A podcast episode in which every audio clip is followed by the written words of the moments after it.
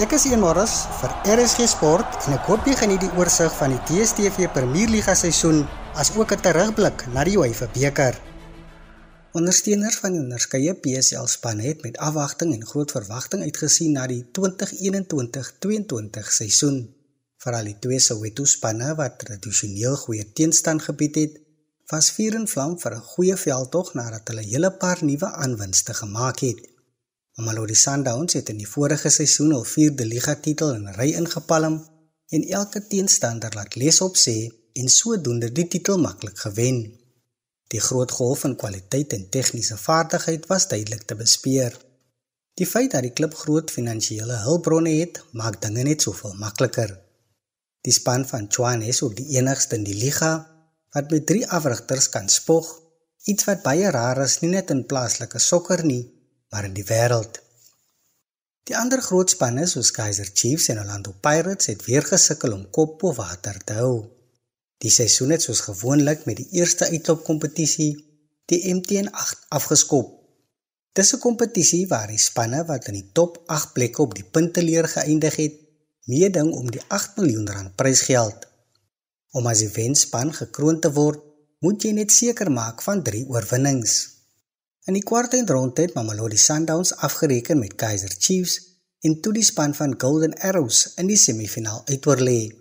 Die ander finalis, Cape Town City, se paadjie na die finaal het begin met 'n oorwinning teen AmaZulu en toe in die laaste 2 het hy teen Marokko Swallows koning gekraai. Die Brazilians het na 'n titaniese stryd die kragmeting op strafdoele gewen. Wat die uitslag soveel meer trefkrag gegee het, was dat Sundowns in 2007 laas die trofee kon wen toe die kompetisie nog as die Super 8 bekend gestaan het. Die doelwagter Dennis Nyango was die uitstaande speler en het wel verdien die speler van die wedstryd toekenning ontvang.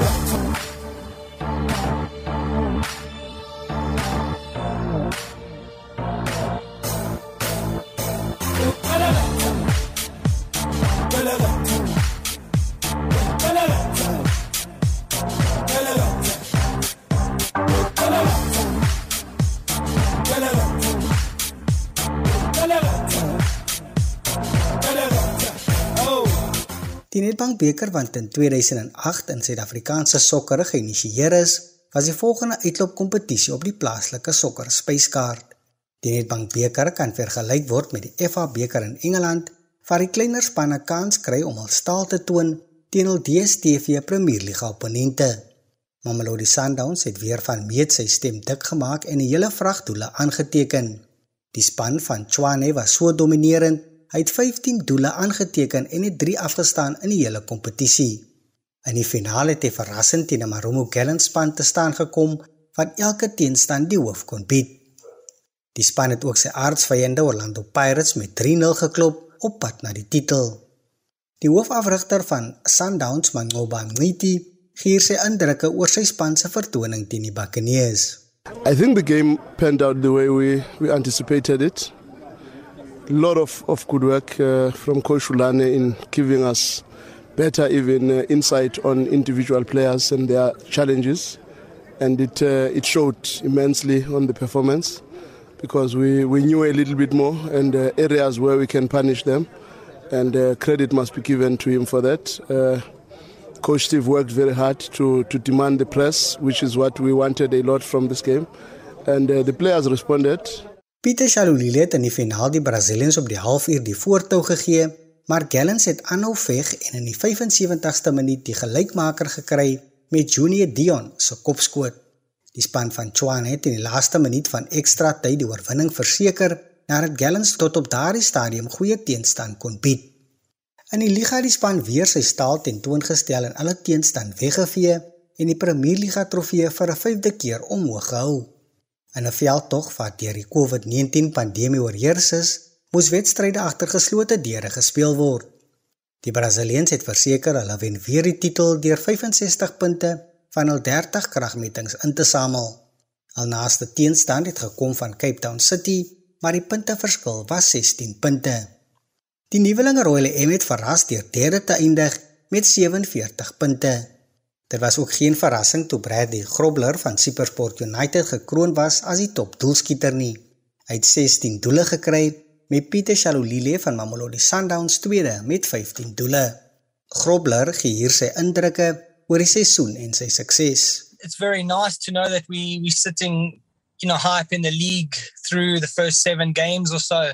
But at the same time, we've done this year after year where we've started off extremely well. And I think the last two seasons going through the turn, you know, we've been second and, and just fallen apart towards the, the second half of the season. So that's mm. that's definitely something that we're looking to to rectify. And again, this season we've got off to a good start. Um, and now it's just about, you know, managing the team and, and you know, keeping a lot of our players fit and keeping them fresh. You know, it's been tough now with having so many of the guys away with with all the respective national teams, and we don't have a big squad. So, you know, we need to we need to maintain the squad properly. And I think the coach is doing a good job at that. And as I said, it's a good start, but we know it's a long league, it's a long way to go, and and we need to rectify on that that second half of the season.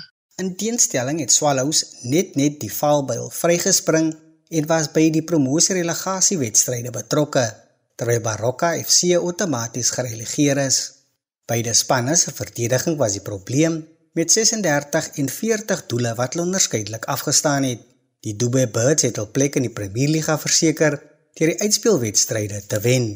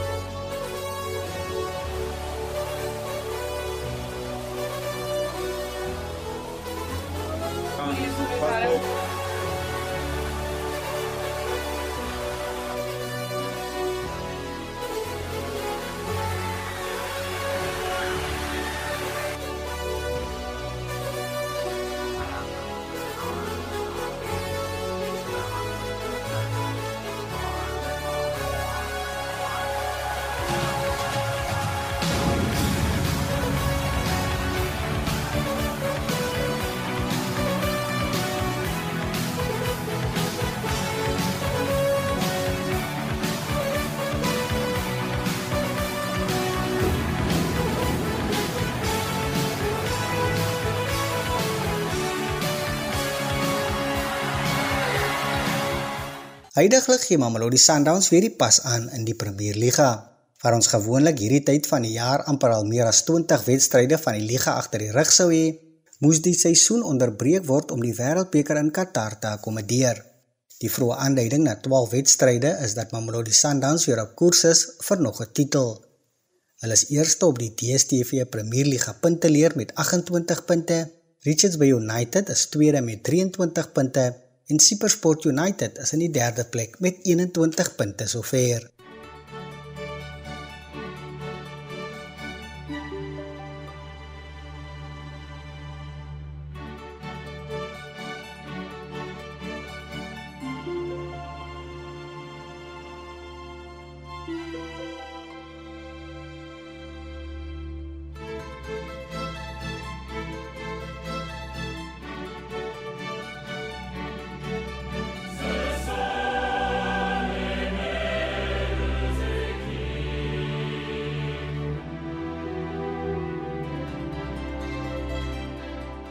Op die internasionale front het die UEFA Kampioenligga soos gewoonlik vir groot opwinding gesorg. Die prestige uitloopkompetisie bied die geleentheid vir spanne van reg oor Europa om daaraan deel te neem. Tradisioneel het die spanne van die sterkste ligas uit Engeland, Spanje, Duitsland en Frankryk gekom. Hierdie keer was dit weer dieselfde storie toe Liverpool, Real Madrid en PSG uiters kompeterend was. Liverpool of die Reds soos hul getroue ondersteuners die span ken, het weer baie goed gevaar met die heavy metal sokkerstyl van sy Breëregen klop. Nadat die span vir 'n hele aantal jare aan die agterspeen moes suig in Engelse Premierliga en ook hierdie kompetisie, het daar skielik in die afgelope 3 seisoene 'n groot oplewing plaasgevind. Liverpool was as die Europese kampioen gekroon in 2018 en hul bestendigheid was weer hierdie keer duidelik. Real Madrid het self baie goed gevaar met hul ritsterre in 'n span wat ken van goed vaar in Europese kompetisies. Dit was geen verrassing toe die doelskieter van Los Blancos, Karim Benzema, die veldtog as die top doelskieter geëindig het met 15 doele. Liverpool se Mohamed Salah was weer sy span se troefkaart met 8 doele. In die eindstryd wat van meet af baie intens was en deurgangs wipblank gery het, het Vinicius Junior die uitslag bepaal met 'n stukkie individuele briljantheid.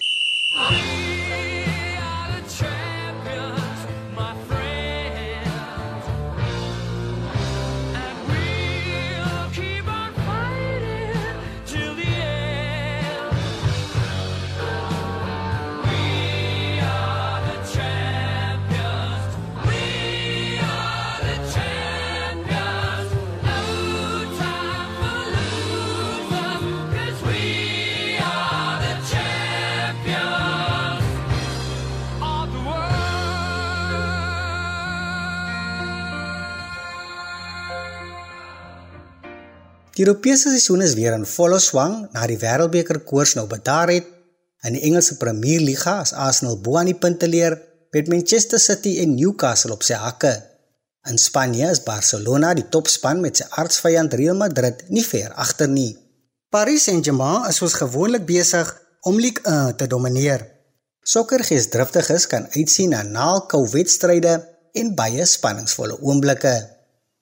Een môre vir RSG Sport met erkenning aan YouTube vir die klankgrepe en musiek.